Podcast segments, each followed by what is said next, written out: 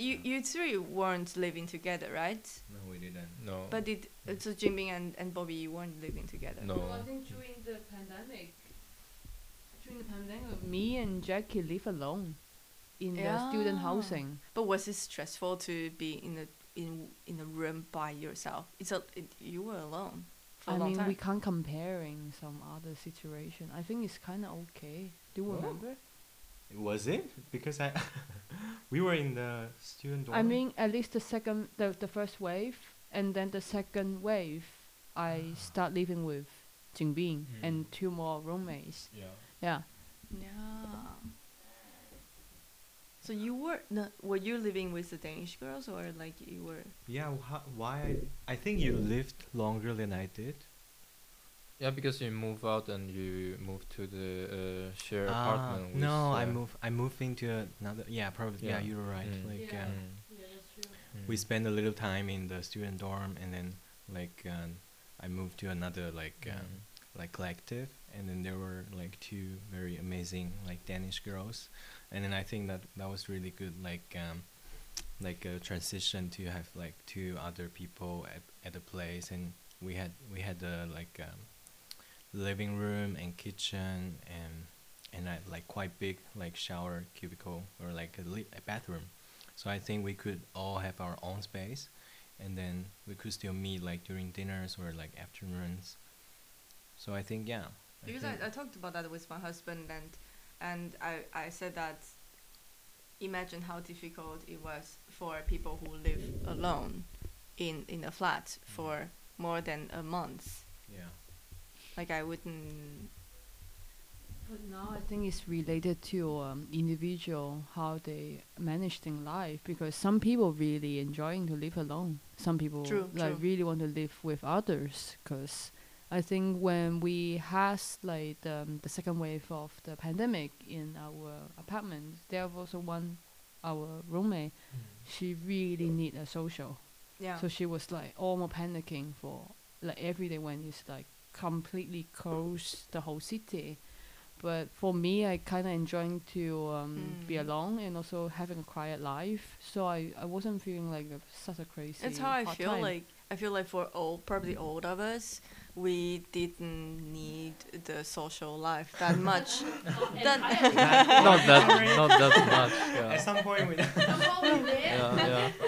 Just a tiny bit. That's fine. Yeah. Because for me, the, the pandemic time was was heaven for me because I didn't I didn't like to meet so so many people and I had the right to be at home by myself for more than a week or like yeah, not like you, you don't need to feel guilty about not being Exactly. socializing. Yeah, yeah. yeah. and it was just to, to recharge myself and it, it i feel very stressed about what's happening right now what's the concerts and uh, how many gigs that i have but during the time it was like everyone had zero gigs so so i was like yeah like finally that i had the freedom and time to just uh, prepare myself and practice and ev- relax even Yeah.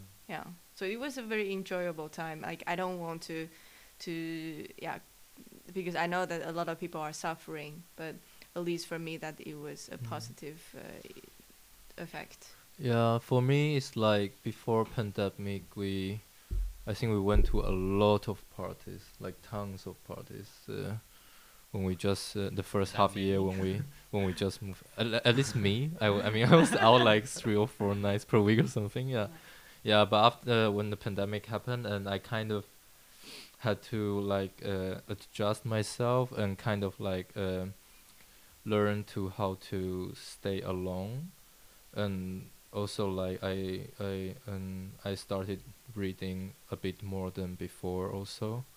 Yeah, so I think it's like I wouldn't say it's enjoy it very very enjoyable, but I, I, I would say like it's like a uh, uh it's definitely a, a good learning process for me. yes Yeah, because I I mean it's it's nice to try to cope with loneliness, I think, and just f- figure figure figure out uh, a way to uh, to face yourself. Yeah, mm. at, at, at least for me, it is a learning process, and it's quite fruitful.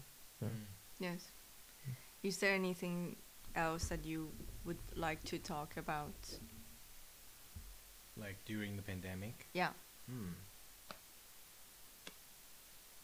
I, th- I don't know. I think I can also like answer like or respond to the the like you said like quite enjoyable. I think I was also like at the beginning feel like very comfortable like to be alone because I always need some my personal spaces, and then like over time like um like uh, staying at home for more in the month i started to feel like a little bit like restless like okay and i am i like um like what what am i gonna to what am i gonna do? And then how to actually like meet friends or how to talk again like with friends but then i think my way was i th- i think it was like um privileged also like you can have a like safe environment to be live um, with. And I think I was also like trying to yeah like um, understand or trying to understand what was the like um,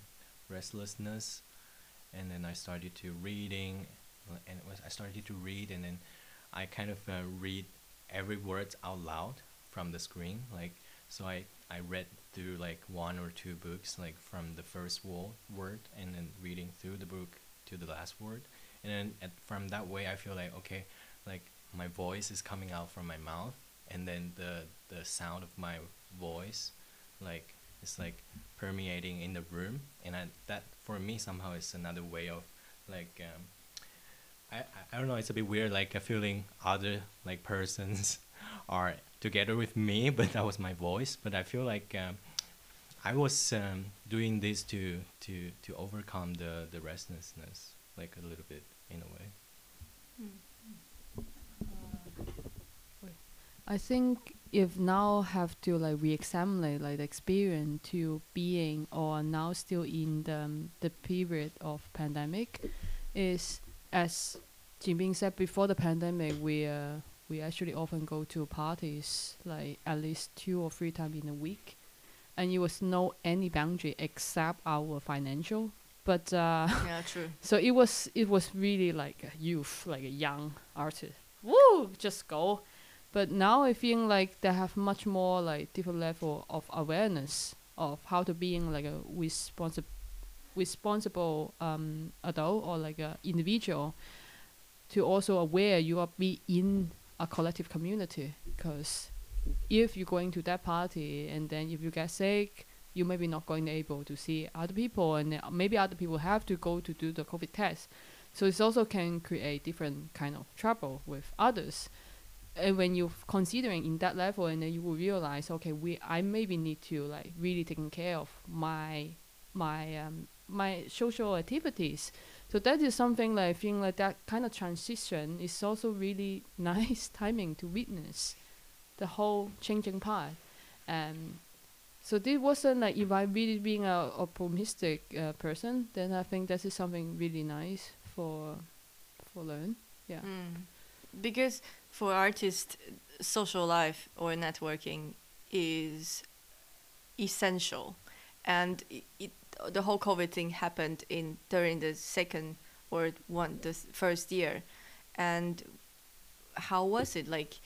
Like I would imagine that it's difficult because it you know you, were trying to stay here and you were trying to find more exhibitions and open calls, but everything was shut down. Yeah. Um, that is also something very affects our like artists or our, our student life, because most of the um, like the social or like the communication came from the openings of the parties, and now it's like almost most of the time we don't go or it's all cancelled, and then we have to find another way to keep connect with the people we met in Oslo. Maybe just like two people or three people, something like that.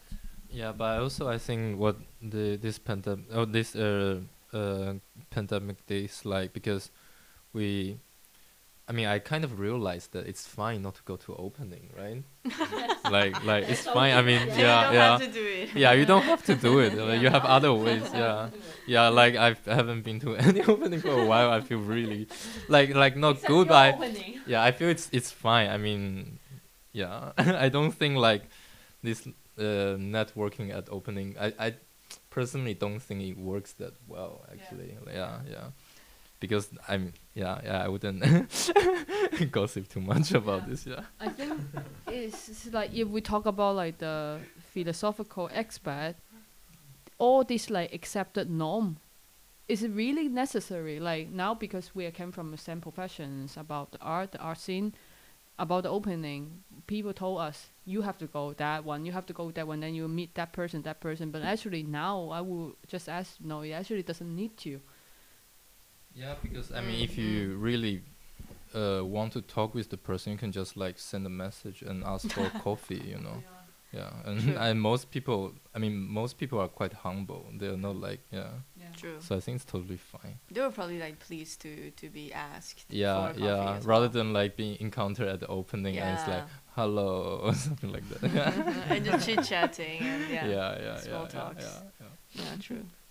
Is Because any- mo- most people are not social butterflies. no, no, Mm, especially no, artists. Like I was yeah. surprised. Mm. Like I knew that the artists were Mm. were quite active or um, kind of good at chit chatting. I, I talked about it a little bit with Jackie. Like I was so not used to to just talk about small things like oh which restaurant do you like and oh we, I Mm. eat I I went to this place and it was so nice and for me it was wasting time and and I wasn't used to that as, as musician it's it's so not normal so Yeah, I, I remember you said like uh, like uh, the opening of uh, an art show is so different from you, like uh, Yeah. a musician, like bef- like um, like uh, because before the concerts, performance yeah. yeah, and also after performance i especially before a performance i try not to talk to anyone because i had to to spend a little bit time with myself and really calm down so i could prepare myself to